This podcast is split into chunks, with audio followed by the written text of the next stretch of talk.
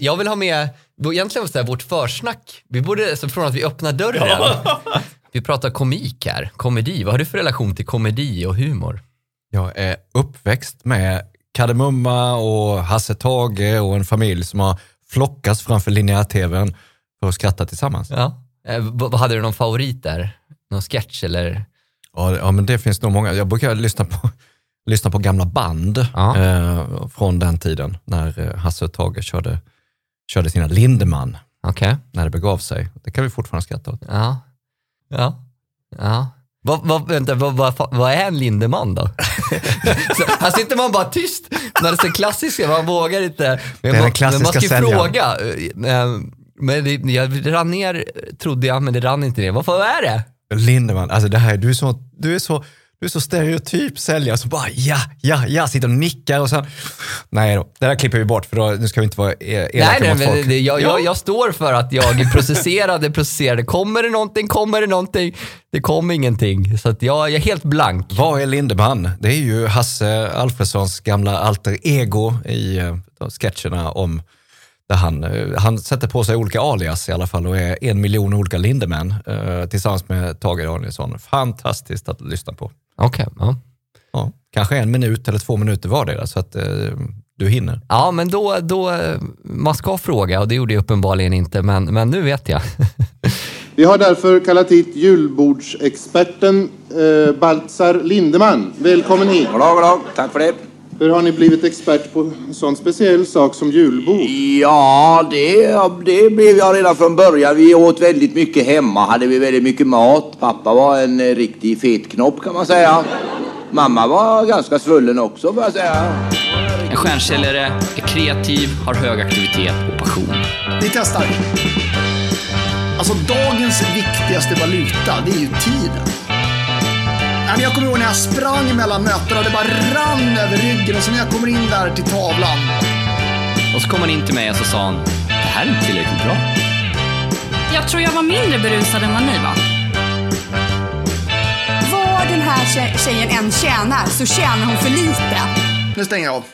Med ett förflutet som digital rådgivare, föreläsare och författare till boken Get Digital or Die Trying. Varmt välkommen Jonas Hammarberg. Tack så hemskt mycket. Hur är läget med dig? Det är finemang, våren är i luften. Ja.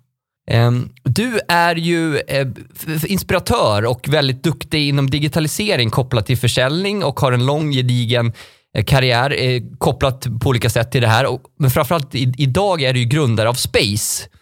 Ja, Som ni som har lyssnat på podden har, har ett hum om, om, om vad vi pratar om.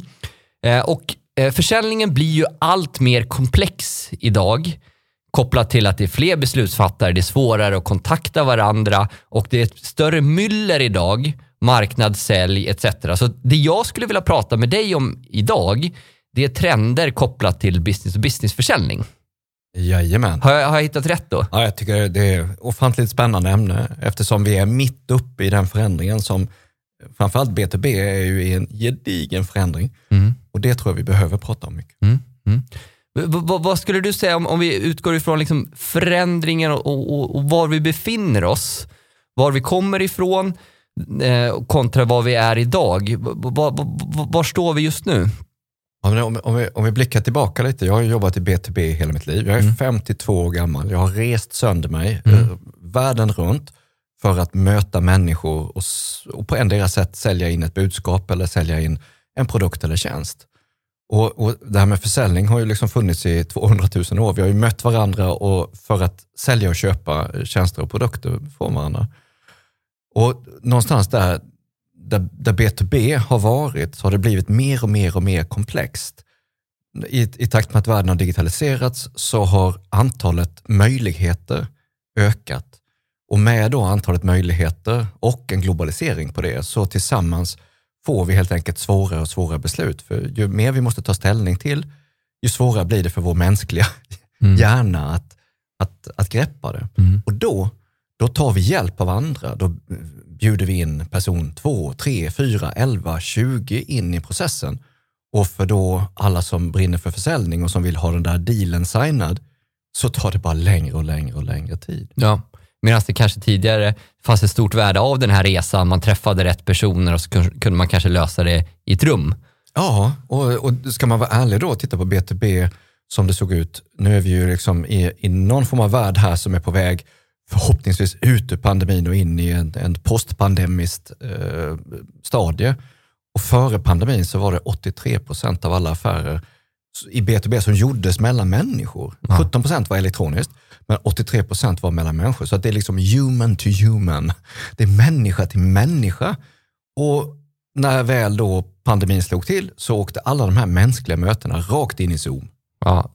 Eller Teams. Och, och, och du, vad var det det Dagens Industri kallade dig i rub- rubriken? Miljögrisen, Jonas Hammarberg. Ja, tack för att du påminner mig Thomas. Ju- Miljögris, det hade jag nog aldrig hört innan. Nej, och det var ju på första sidan på Dagens Industri, så det var, det, det var ju häftigt. Vi fick ju uppslag där.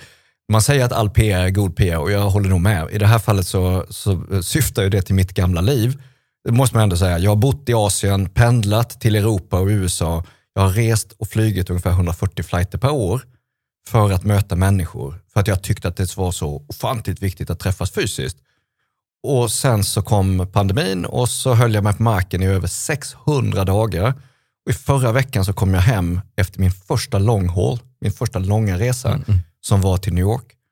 Och, och ärligt talat, alltså, dels var inte New York det New York jag lämnade en gång i tiden och, och dels var det här med resande inte alls vad jag, vad jag gillar Ja. längre. Så att för mig så var det en, en sån här bara, bah, det, det här, allting med munskydd på när man sover till sprit och människor som är arga på flygplatsen och köer och fan hans moster. Det där vill jag hålla mig borta från så mycket jag kan. Faktiskt. Man, man kanske skulle kunna göra en, en Lindemann-sketch på det här. Ja, Som kanske Före det. efter Jonas eh, miljögris. Miljögrisen Lindemann. har jag förstått Nu- Lindemann nu eller är jag ute och cyklar? Man, Jag tror att du som lyssnar, om du är liksom över 50 så kommer du veta vad vi, eh, vad vi pratar om. I övrigt så, så är det helt irrelevant. Så att det är väl bättre att vi börjar prata försäljning. Thomas. Ja, vi har en del lyssnare över 50 så att... eh, Ja, men det är bra. Eh, ehm, eh, Okej. Eh, Eh, fler beslutsfattare, komplexiteten ökar. Marknad och sälj närmar sig varandra. Det är ju ett faktum. Eh, om- vi, ska dela upp rollerna, hur, ser du att spelfältet ligger idag? Vad har marknad för roll? Vad har sälj för roll? Eh, om vi börjar med, med, med, med marknad då, om man ska generalisera där. Ja, den, gamla, den gamla tesen av att marknad levererar i sitt stuprör och sen lämnar de över till försäljning, den är ju nu död på endera sätt. För det har vi redan kommit på att Ja. det funkar inte. Va? Eh, samtidigt så, så egentligen så skulle jag vilja flytta, jag skulle vilja flytta fokuset ifrån marknad och försäljning och så rikta, för det har varit jättemycket fokus på det länge Ja. och, och med all rätt. Men, men, men nu är det dags att fokusera på köparen. Och, och det visar både Gartner och McKinsey och, och, och alla de här liksom studierna som vi kan läsa att ja, men nu, nu kan vi, vi kan liksom inte fokusera inåt längre. Vi måste fråga kunderna vad de egentligen vill ha och sen så får vi leverera det från marknad försäljning i en symbios. Och, och låt oss prata lite grann om det där då för att när vi, när vi gick in i pandemin så, så var det ett läge och nu när man kommer ut ur den så föredrar 70 procent av köparna digital interaktion.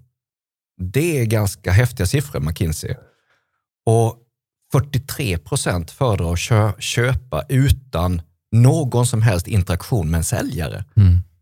Samtidigt som samma datapunkter visar att den som köper utan interaktion blir relativt sett mindre nöjd med sitt köp. Det vill säga människor köper fortfarande av människor och lever livslångt med det. Säljaren är så viktig för köparen. Det är bara det att digitaliseringen har, har fått människor till att tro att allting kan köpas digitalt. Men nu handlar det om att liksom komma tillbaka till den punkten där det digitala gör oss människor starkare, snabbare, smartare och, och bekräfta oss med det snarare. Liksom. Samtidigt som då väldigt många längtar tillbaks till det som en gång var. Kan vi inte mötas fysiskt och flyga över Atlanten för att röka cigarrer tillsammans?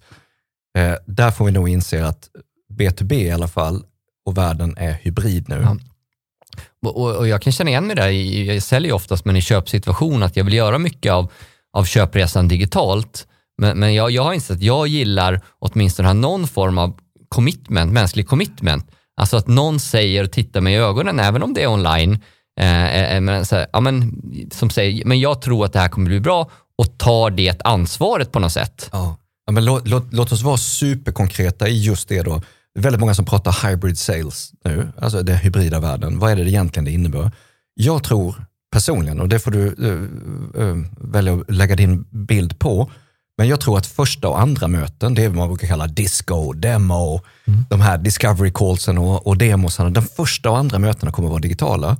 Det tredje kanske blir fysiskt därför att då ska man bygga relation, fördjupad förståelse. Om man jobbar med produkter eller, eller, eller tillverkning kanske man vill se sajten liksom fysiskt för att därefter i fjärde mötet, femte mötet upp, följa upp digitalt. Och sen om vi möts fysiskt när vi signerar eller inte, ja det, det, det tvistar de lärde om. Men att vi är någonstans där 70-80% av mötena kommer att vara digitala och sen så sparar vi de där fysiska mänskliga momenten till när det verkligen spelar roll för oss människor. Nej, men jag är helt enig och eh, eh, till och med att första, första dialogerna kan vara att man är med på ett webbinar eller att man lyssnar på ett podd eh, och, och att eh, ja, men ett första call discovery. Men, men ganska tidigt kan man komma till, alltså, i och med att man kan bygga så mycket förtroende på förhand utan att ses digitalt. Ja. Eh, så tror jag att, precis som du säger, att eh, eh, ja, möte två, någonstans där, tre, så vill, man, vill man ses. Ja, och just i takt med att den digitala teknologin uppgraderas nu så, så har vi ju fått sätt att demonstrera våra, oavsett om det är fysiska produkter eller om det är digitala applikationer som är SaaS-industrin, liksom, så, så har vi insett att shit, det är, ju, det är ju bättre att göra en digital demo. Därför att då ser vi alla, vi tittar på varandra samtidigt som vi jobbar med det vi, vi jobbar med. Eh, snarare än att sitta i ett stort sån här boardroom med tio stolar runt omkring och vi ska flacka med blicken mellan skärmen och alla människorna som är inne där. Vi kan få ett väldigt högt fokus på det vi gör när vi gör till exempel en demonstration.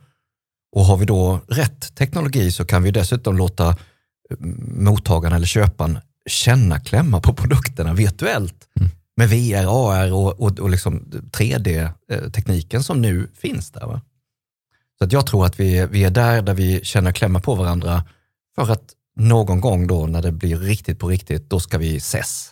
Människor är fortfarande människor och det är människor som fattar beslut. Det är intressant att köpbesluten tror man ju fattas på massa datapunkter och grejer, men i, till syvende och sist så är det en människa som fattar ett beslut till följd av en massa data som i sin tur skapar känslor inne i den människan. Känslan av trygghet, känsla av glädje, känsla av eh, nyhetens behag eller vad det nu är för känslor. Och en av de absolut starkaste känslorna vi har är ju trygghet. Och i en allt mer komplex värld, i en orolig värld, där det är viktiga beslut som ska fattas, så går ju vi människor tillbaka till, till tryggheten. Och då söker vi den där eh, i antingen våra kollegor eller i ännu mer data eller i att, att jämföra många olika leverantörer. Och det enda liksom vi märker är att ju fler leverantörer vi tittar på, ju svårare blir det att välja. Och till syvende och sist så brukar vi ju prata om det här i slutet på en, en, en köpresa. Liksom. Why buy? Varför ska du köpa av mig? Eh, och de här liksom, ROI-kalkylerna eller, eller överhuvudtaget värdedrivarna kring att du köper en viss produkt eller en tjänst. Vi pratar om risk mitigation, eh, att, att eliminera alla risker som finns. Och vi pratar kanske mindre om en, en sak som allt fler upplever är allt viktigare, nämligen hur ser livet ut efter köpet? Eh, Det vill säga att det är alltid så härligt när man har hämtat bilen i, i bilhallen och sen så kör jag ut, men hur funkar servicen? Och, och det där då när man tittar på utifrån Gartner som, som nu släpper rapporter i parti och minut, men de, de har släppt jättespännande data just på det där. Och vi ska titta på en annan datapunkt som jag verkligen skulle vilja dela med dig Thomas. För att det, men, men just runt trygghet så, så har Gartner kikat på liksom här, hur, hur tar vi ställning till informationen vi får? Skapar det en osäkerhet eller skapar det en trygghet? Och det finns, det finns en punkt som skapar trygghet och där det blir 26 procent högre sannolikhet att du faktiskt fattar köpbeslutet om du får det. Och det är när du får information och kunskap som du värderar har en hög kvalitet. 26 procent. Okej, men nu kommer det dåliga i kråksången. Det är att det finns, om du får information från leverantören eh, där du upplever att det, det är förvisso trustworthy, men det går i contradiction, det, det är emot, liksom står i motsats till vad någon annan säger, då åker du ner 66 procent lägre sannolikhet för att fatta det beslutet. Låt oss bara stanna upp i den. Vad innebär detta? Jo, det innebär att när en BTB-köpare, som idag i snitt är 11 personer på köparsidan, 11 personer inne i processen, upp till 20. När de 11 bjuder in en ny kollega, en ny kollega, en ny kollega, så kommer det nya synsätt, nya liksom baskunskaper och nya infallsvinklar som kan gå i kontradiktion med det som vi tidigare har sett som en sanning. Vilket gör att ju fler människor som kommer in på köpresan, ju viktigare blir det att aligna det budskapet som vi har att sända som säljare. Mm.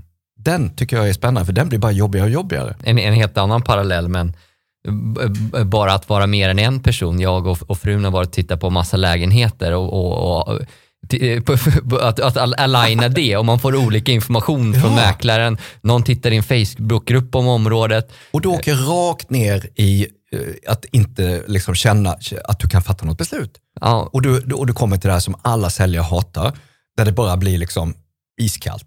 För, för du får inget svar. Det bara, det bara ligger där som en död sill och väntar. Va?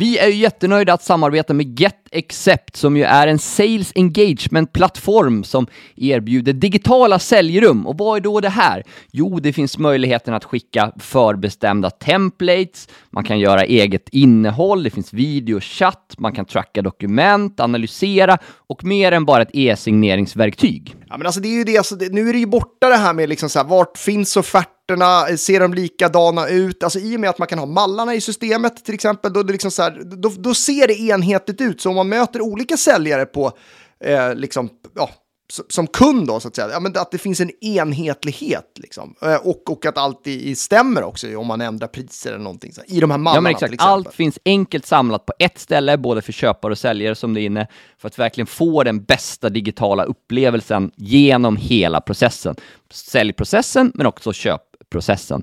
Så att vi rekommenderar er verkligen att gå in på getaccept.com, mer än bara ett e-signeringsverktyg.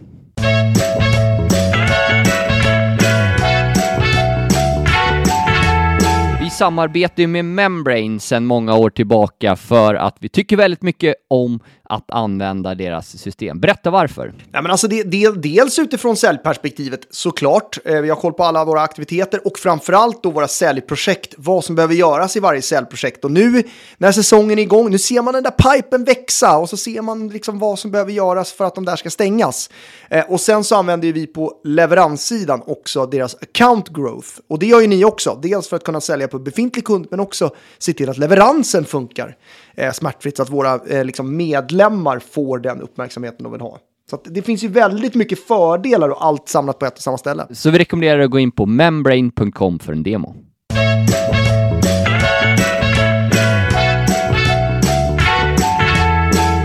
Men, men hur, hur ska, man, ska man lösa det här då? Ja, men det, det, är, det är intressant att se då att, att det är klart att inom B2C så kom ju e-handeln 2010 och framåt. Liksom där. Det bara exploderade och löste väldigt många problem för butikerna.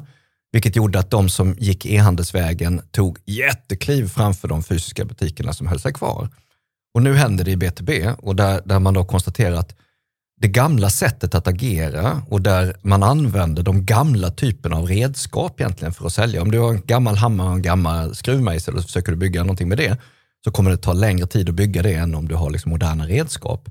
Och idag, om vi ska ta den bilden in i, i säljarens, eh, så är det klart att man har ett CRM-system, men det är inte CRM-systemet som säljer. Och, och de, de redskap som vi då har till buds i den digitala försäljningen väldigt ofta, det är Zoom eller Teams. Det är någon form av video liksom, som ser lika generisk ut oavsett hur du gör.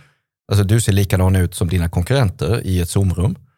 Och det andra det är mejlen. Där det haglar tusen miljoner mejl med material, frågor, svar. Och där de mejlen egentligen de når en eller två eller fem, men inte alla elva eller alla tjugo som är med i processen.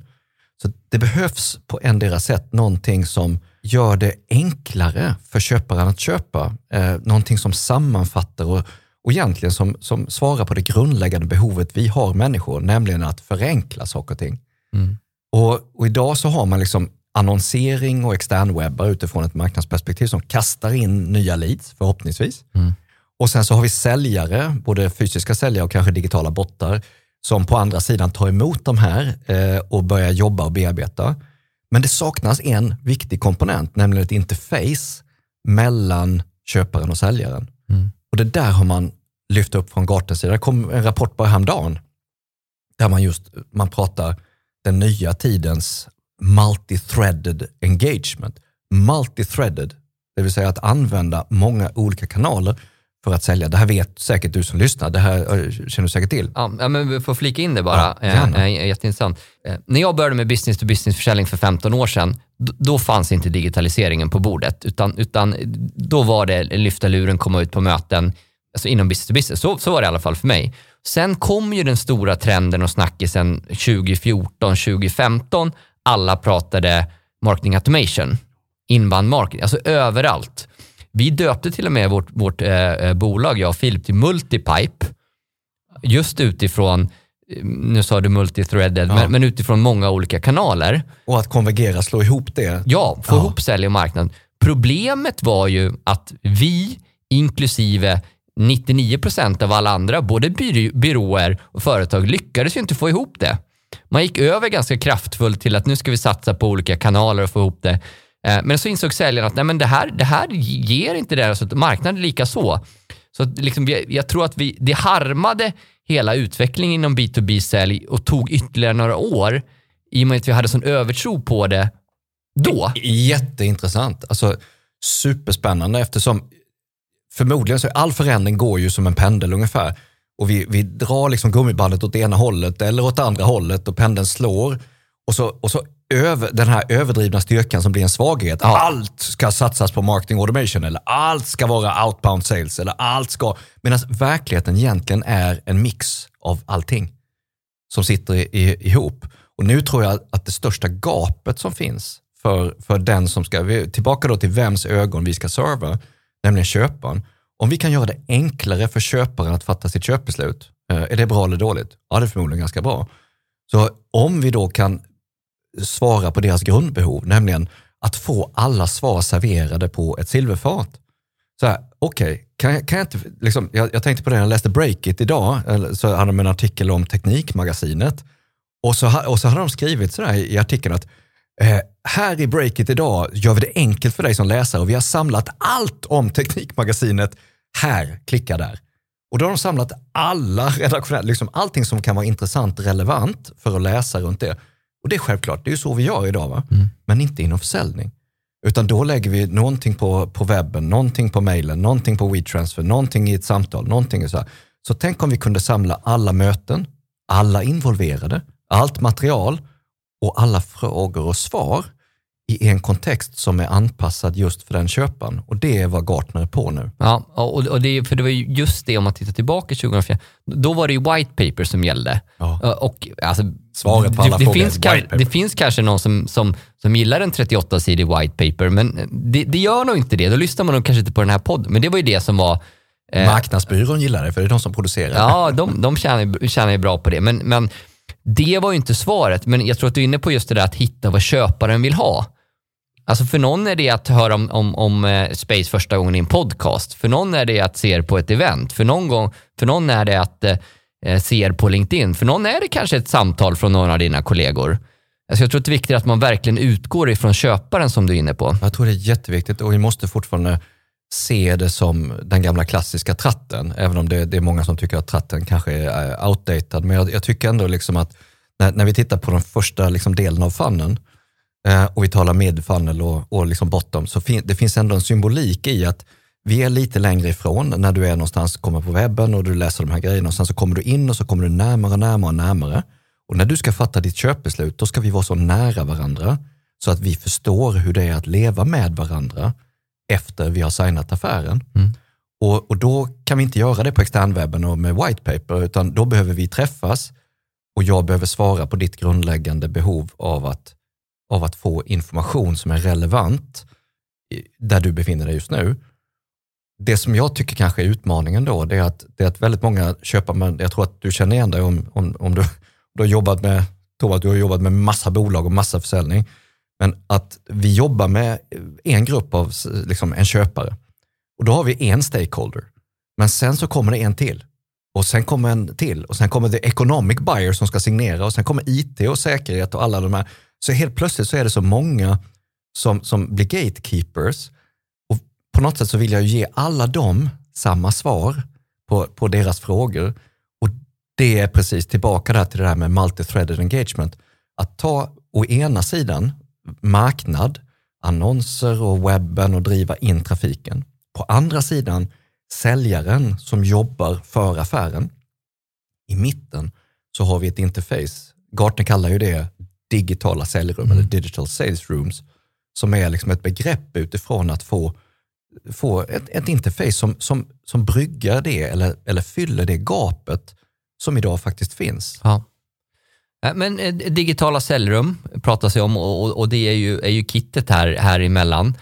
Eh, Hur ska man göra för att skapa samma engagemang då på köparsidan som, som på säljarsidan? För det är en sak, och säljarsidan, är, sälj och marknadssidan är ju committad, eller bör vara, annars har man ju fel jobb. Eh, Men hur tycker du man ska, ska göra för att få rätt dynamik där? Så att köparsidan finner det tillräckligt intressant för att vara aktiv, så att det inte bara blir det här, eh, ja, måste jag titta på det här? Eh, jag tror det, det är en djävulusiskt bra fråga Thomas, där, för att det, jag tror det handlar både om push and pull. Push and pull. Dels, dels så handlar det om att skapa en efterfrågan. Eh, det första vi gjorde när vi, när vi öppnade Space och hade digitala cellrum, vi har liksom en, en möjlighet att göra mallar eh, i de här som innehåller jättemycket material som är relevant. Men det första vi gjorde och som vi gjorde fel, det var att fylla det med allt som vi kände var relevant. Och det var definitivt helt fel. För att det är ju så mycket smartare att fylla det med lite innehåll och sen längs med vägen addera det som är relevant beroende på var i köpprocessen man befinner sig. Då drar vi in, då kommer kanske ett white paper runt säkerhet. Här kommer GDPR-frågorna, här kommer det här. Och i samma ögonblick som vi drar in det så skickar vi med en video som går ut till köparna, till, till alla eller till de som är relevanta. Där, där säljaren säger, hej tjena det är Tompa. Här har jag lagt svaret på de där GDPR-frågorna som var så viktiga för er. Genom att du gör det så både visar du att du respekterar dem och serverar dem på silverfatet, inte en jättehög som ett stort bibliotek, utan det som är relevant för stunden. Och det kan man använda det här säljrummet till som en mötesplats och helt enkelt låta det leva längs med en tidslinje. Det tror jag är en viktig faktor.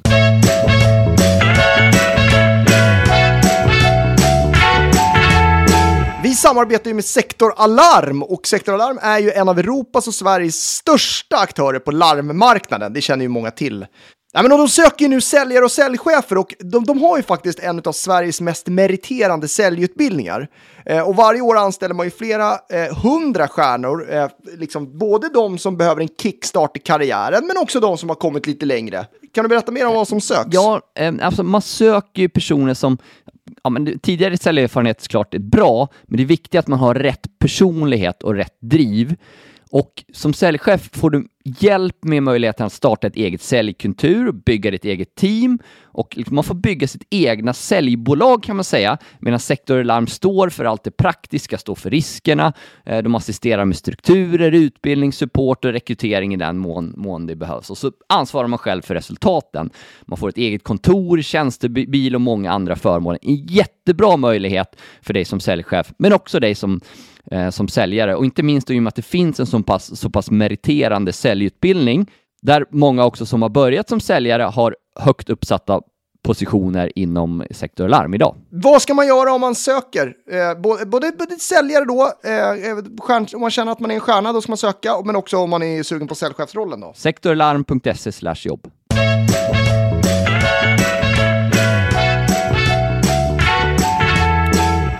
Triggerbee är ju en kär gammal vän till oss på Stjärnkällarpodden och nu är de tillbaka i podden. Och det var ju några år sedan de gjorde det, två, tre år sedan de var med senast och då fokuserade de ju på leadgen för B2B-organisationer. Och nu söker Triggerby fler stjärnsäljare och därför har de sträckt ut handen till oss. Eh, man kan säga att för två år sedan så pivoterade Triggerbee till att fokusera helt på e-handel och media. Och sedan dess har bolaget tagit rejält fart. Förra året ökade man sin licensaffär med över 50% och de har verkligen hittat en riktigt bra product market fit och behöver din hjälp att hinna med alla intresserade prospect och växa internationellt. Triggerbees Triggerbys lösning ger e-handlare och nyhetsmedia möjlighet att visa upp ett unikt innehåll på sajterna beroende på vem besökaren är, om de är medlemmar och till exempel vad de har köpt tidigare. Självfallet så matar man även CRM med data så att en bättre segmentering kan göras i alla kanaler. Några av Triggerbys kunder är bland annat Kicks, Bubble Room, K-Rauta, Volvo och Kaja Cosmetics. Och nu har du som lyssnar som möjlighet att joina Triggerby på deras spännande resa. Triggerby är ett härligt gäng med huvudkontoret mitt i centrala Stockholm, så vi rekommenderar dig verkligen att ta kontakt. Så vill du jobba inom det här heta området SAS på ett bolag med många intresserade kunder och med internationella ambitioner, så surfa in på Triggerbys hemsida, triggerby.com och gå in på lediga tjänster och sök jobbet. Eh, Vi kan intyga att det är ett härligt gäng och en möjlighet ni inte vill missa. Triggerby.com.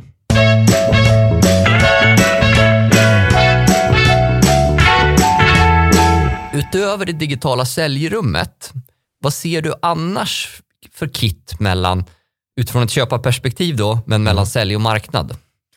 Jag tror att eh, när vi nu väver ihop sälj och marknad så, så innebär det ju att, att tänka till att börja med hela den där gamla klassiska tratten. Då då. Om vi nu har en, en säljprocess som går från A till Ö till det att man har signat, till det att man går vidare till att börja använda en tjänst eller produkt. Så behöver marknad och sälj ligga som, jag har en, en kollega som heter Anders som pratar om en skinkmacka. Han, han har liksom, det är marknad på ena sidan och det, det, det är säljaren på andra sidan. Där vi jobbar tillsammans i par och interagerar hela tiden runt vad som är relevant för köparen. Och, och det tror jag eh, vi, vi behöver förhålla oss till. Och då, då kanske det är så att den gamla marknadsavdelningen är lite obsolet och, och istället behöver bli det där smarketing som vi pratar om. Men, men det, det här går ju i linje med när vi startade 2015, för vår modell hette ju hamburgaren. Eh, men, men, Kanon. eh, allting, eller så under, underbrödet, Ja. eh, det var struktur. Aha. Eh, eh, och liksom, köttet, det var säljprocessen. Ja. Att man följer sälj. Eh, överbrödet, det var liksom marketing och, och LinkedIn och social selling. Vad var dressingen? Eh, jag tror, eh, dressingen tror jag var det, liksom, det personliga. Ja, låt oss hålla oss runt den då. Använd ham- hamburgarmetaforen nu. Om du då tänker så här att du ska sälja en hamburgare till mig, du, du, du gör din favorithamburgare, du är säljare, du ska sälja min, och du är både säljare och marknad. Och, och du trycker på med din favoritdressing och den är, vad är, vad är din favoritdressing? Eh, eh, Rhode Island. Rhode Island. Jag hatar Rhode Island, ärligt. Det, det är det absolut värsta jag vet. Om du trycker på med hamburgaren och bara trycker på, fläskar på med den där och så serverar du till mig, jag kommer bara dra. Alltså det, tillbaka där till att man måste lyssna på vad köparen vill ha för dressing och, och då lägger vi på dressingen i rätt mängd längs med resan. Jag, jag tycker fortfarande att sedan 2015 så har, ju, så har det hänt väldigt mycket på där man kan bygga sin egen mat online. Och där jag kan välja själv vilka toppings och grejer jag vill ha på, som de gamla, du vet, eh, vad heter de då, de här Subway i USA en gång i tiden. Som sen kom hit där jag kunde välja precis vad jag ville ha på den längs med vägen.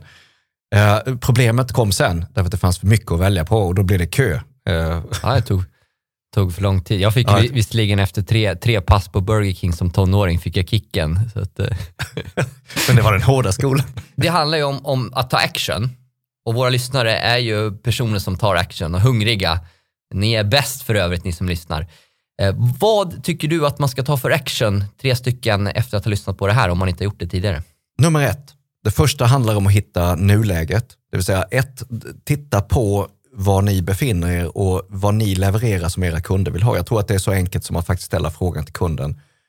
Hur skulle ni vilja interagera med oss? Vill ni, är ni nöjda med att få mail och, eh, och att vi kör videomöten och träffas då och då? Eller skulle ni vilja ha en kontext där, där, där, där vi faktiskt kan servera det som är viktigt för er på riktigt? Nummer två handlar om att servera det som är relevant längs med köpresan, där det, det liksom ska vara. Gurkan, eh, som vi säger i Halmstad på hamburgaren, Ja. eh, som vi också säger i Halmstad för övrigt. Jag är ledsen att jag pratar som jag pratar, men jag är som jag är. Eh, Och, och det tredje, det handlar om att våga tänka nytt, våga testa ny teknologi. Googla, kika, men pröva någonting annat än Zoom eller Teams och, och gamla hedliga mejlen. Tack så jättemycket för ett inspirerande samtal. Jag ska direkt eh, mer frekvent ställa frågan till, till mina kunder, min målgrupp. Alltså tips ett. Hur vill, vill ni att vi integrerar med er. Och Det var länge sedan jag gjorde. Ja, ja och om, om kunden då säger Thomas, jag vill kramas, jag vill träffas fysiskt, träffa dem fysiskt. Men i den mån de säger, du, du Thomas, det räcker om vi träffas ungefär liksom tre av tio gånger. Alltså, Om- går om- de till mötes. Om de säger att de inte vill ha någon kontakt. Då. Då har du ett problem. Eh, men, eh, tack så jättemycket eh, hemskt Jonas eh, för ett trevligt samtal. Hur kommer man k- kontakt med dig enklast? Ja, LinkedIn, Jonas Hammarberg. Eh, Du kan också söka på um, di.se och Miljögrisen så hittar du mig på bild. Och, eller så går du till jonas.hammarberg.space.com. Det är spce.com som mejladress. Tack! Tack så hemskt mycket.